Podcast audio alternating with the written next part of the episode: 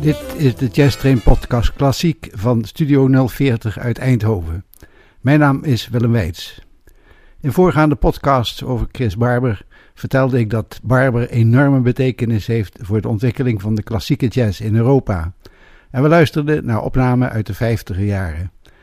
Deze keer gaan we luisteren naar het vervolg van zijn succesreeks. Een opname uit 1962 nu. Whistling Rufus.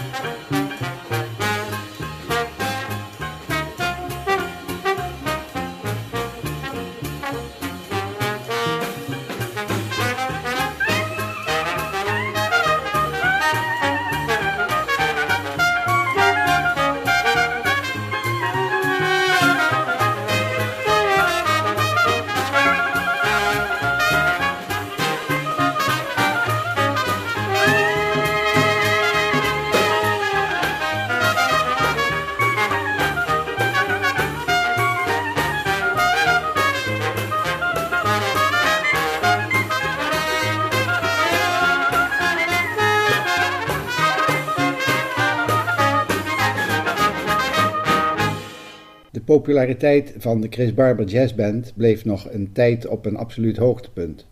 Maar Monty Sunshine verlaat in 1961 de band en wordt vervangen door Ian Wheeler. De Barber Band maakte heel veel vlotte Dixieland, maar in het volgende nummer is het tempo lager.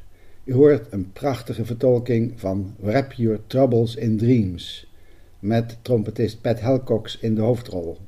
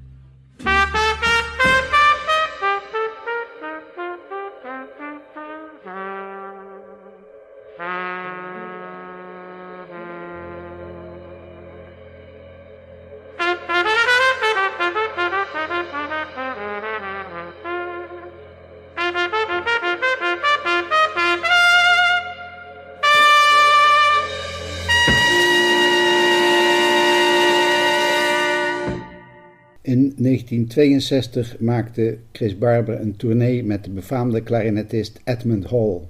Hij is geboren in de buurt van New Orleans en maakte de opkomst van de jazz mee. U hoort hem in Dardanella.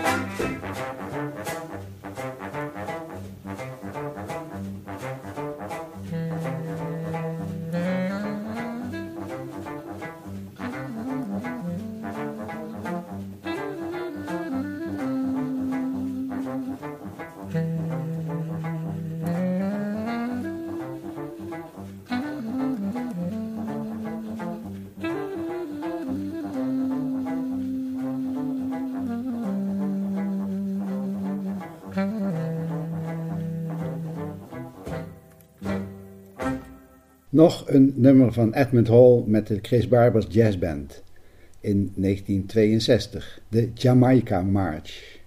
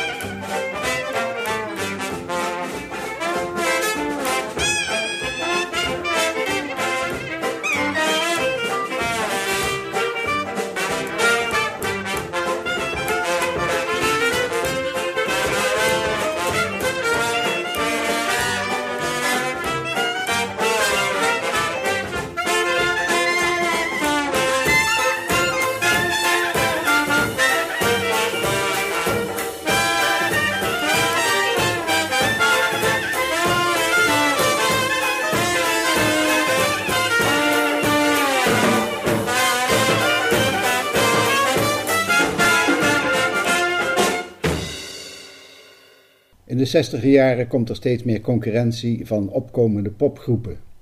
Als de Beatles eenmaal zijn doorgebroken, krijgt de band het moeilijker. Tegelijkertijd ontwikkelt zich een nieuw genre, de rhythm and blues. Chris Barber haakt hier voortvarend op in door een tournee te organiseren met Muddy Waters. Mede hierdoor wordt de blues een nieuwe rage. Scoren van hits behoort dan echter tot het verleden. De band legt zich nu meer toe op het produceren van albums. Een tijdperk is eigenlijk afgesloten. Barber maakte ook opnamen met blueszanger Jimmy Witherspoon. Ik draai daarvan God the Gal Lives Upon the Hill.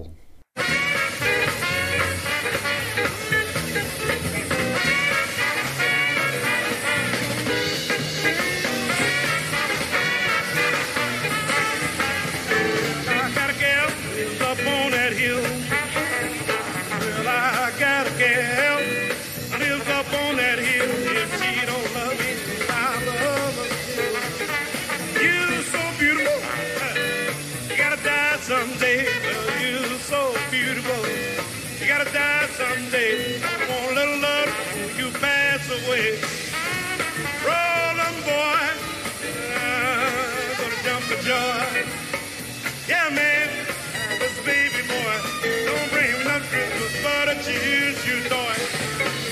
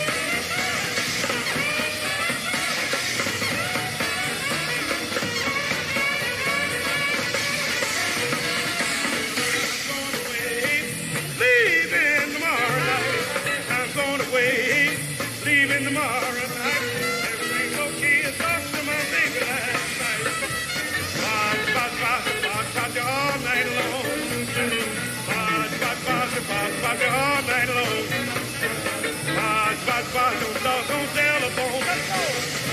So bye.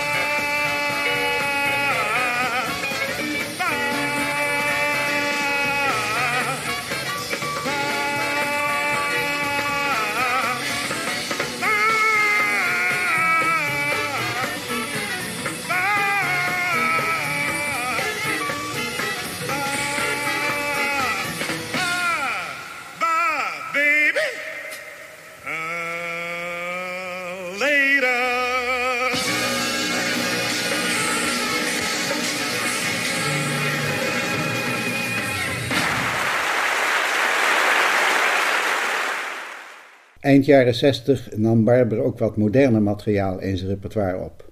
Zoals te horen is in het volgende stuk, het prachtige Spanish Castle met Pat Helcox op bugel.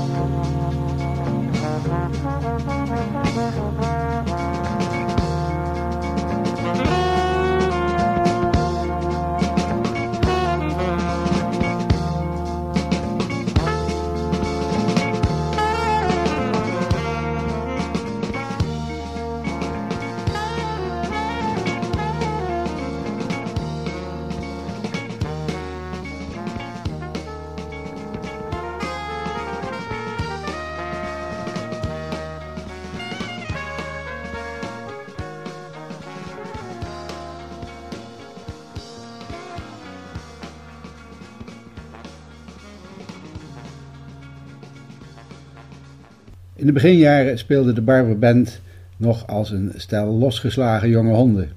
Maar steeds meer drong het besef door dat de afwerking van stukken ook belangrijk is.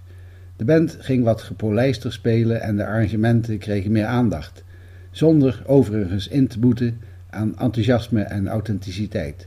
Maar het ging allemaal wel wat professioneler klinken. Er kwam meer rust en dynamiek in het spel. In de jaren 60 was er ondanks de opkomst van popmuziek nog ruimte voor oude stijl jazz. Een ruimte die uiteraard gevuld werd door Chris Barber. De Barber Band was inmiddels ook internationaal bekend. Uit een live concert in 1968 in het Friedrichstad Palast in Oost-Berlijn in de tijd van de DDR laat ik twee nummers horen. Als eerste het tamelijk onbekende Harlem Bound en als tweede de Wildcat Blues.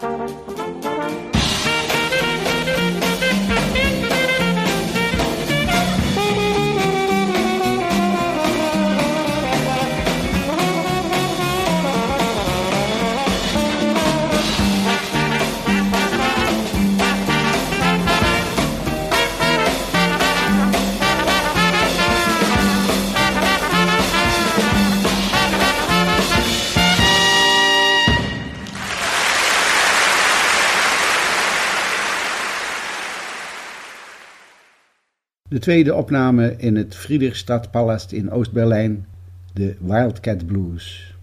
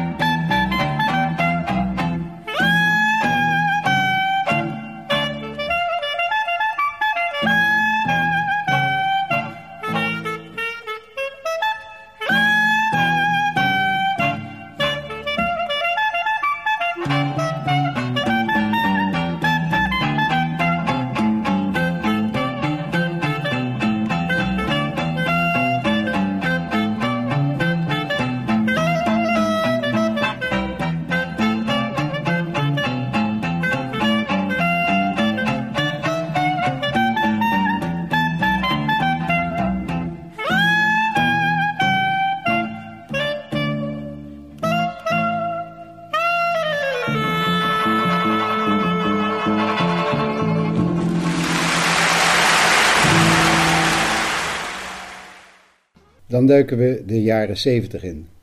De band heette nu Chris Barbers Jazz and Blues Band.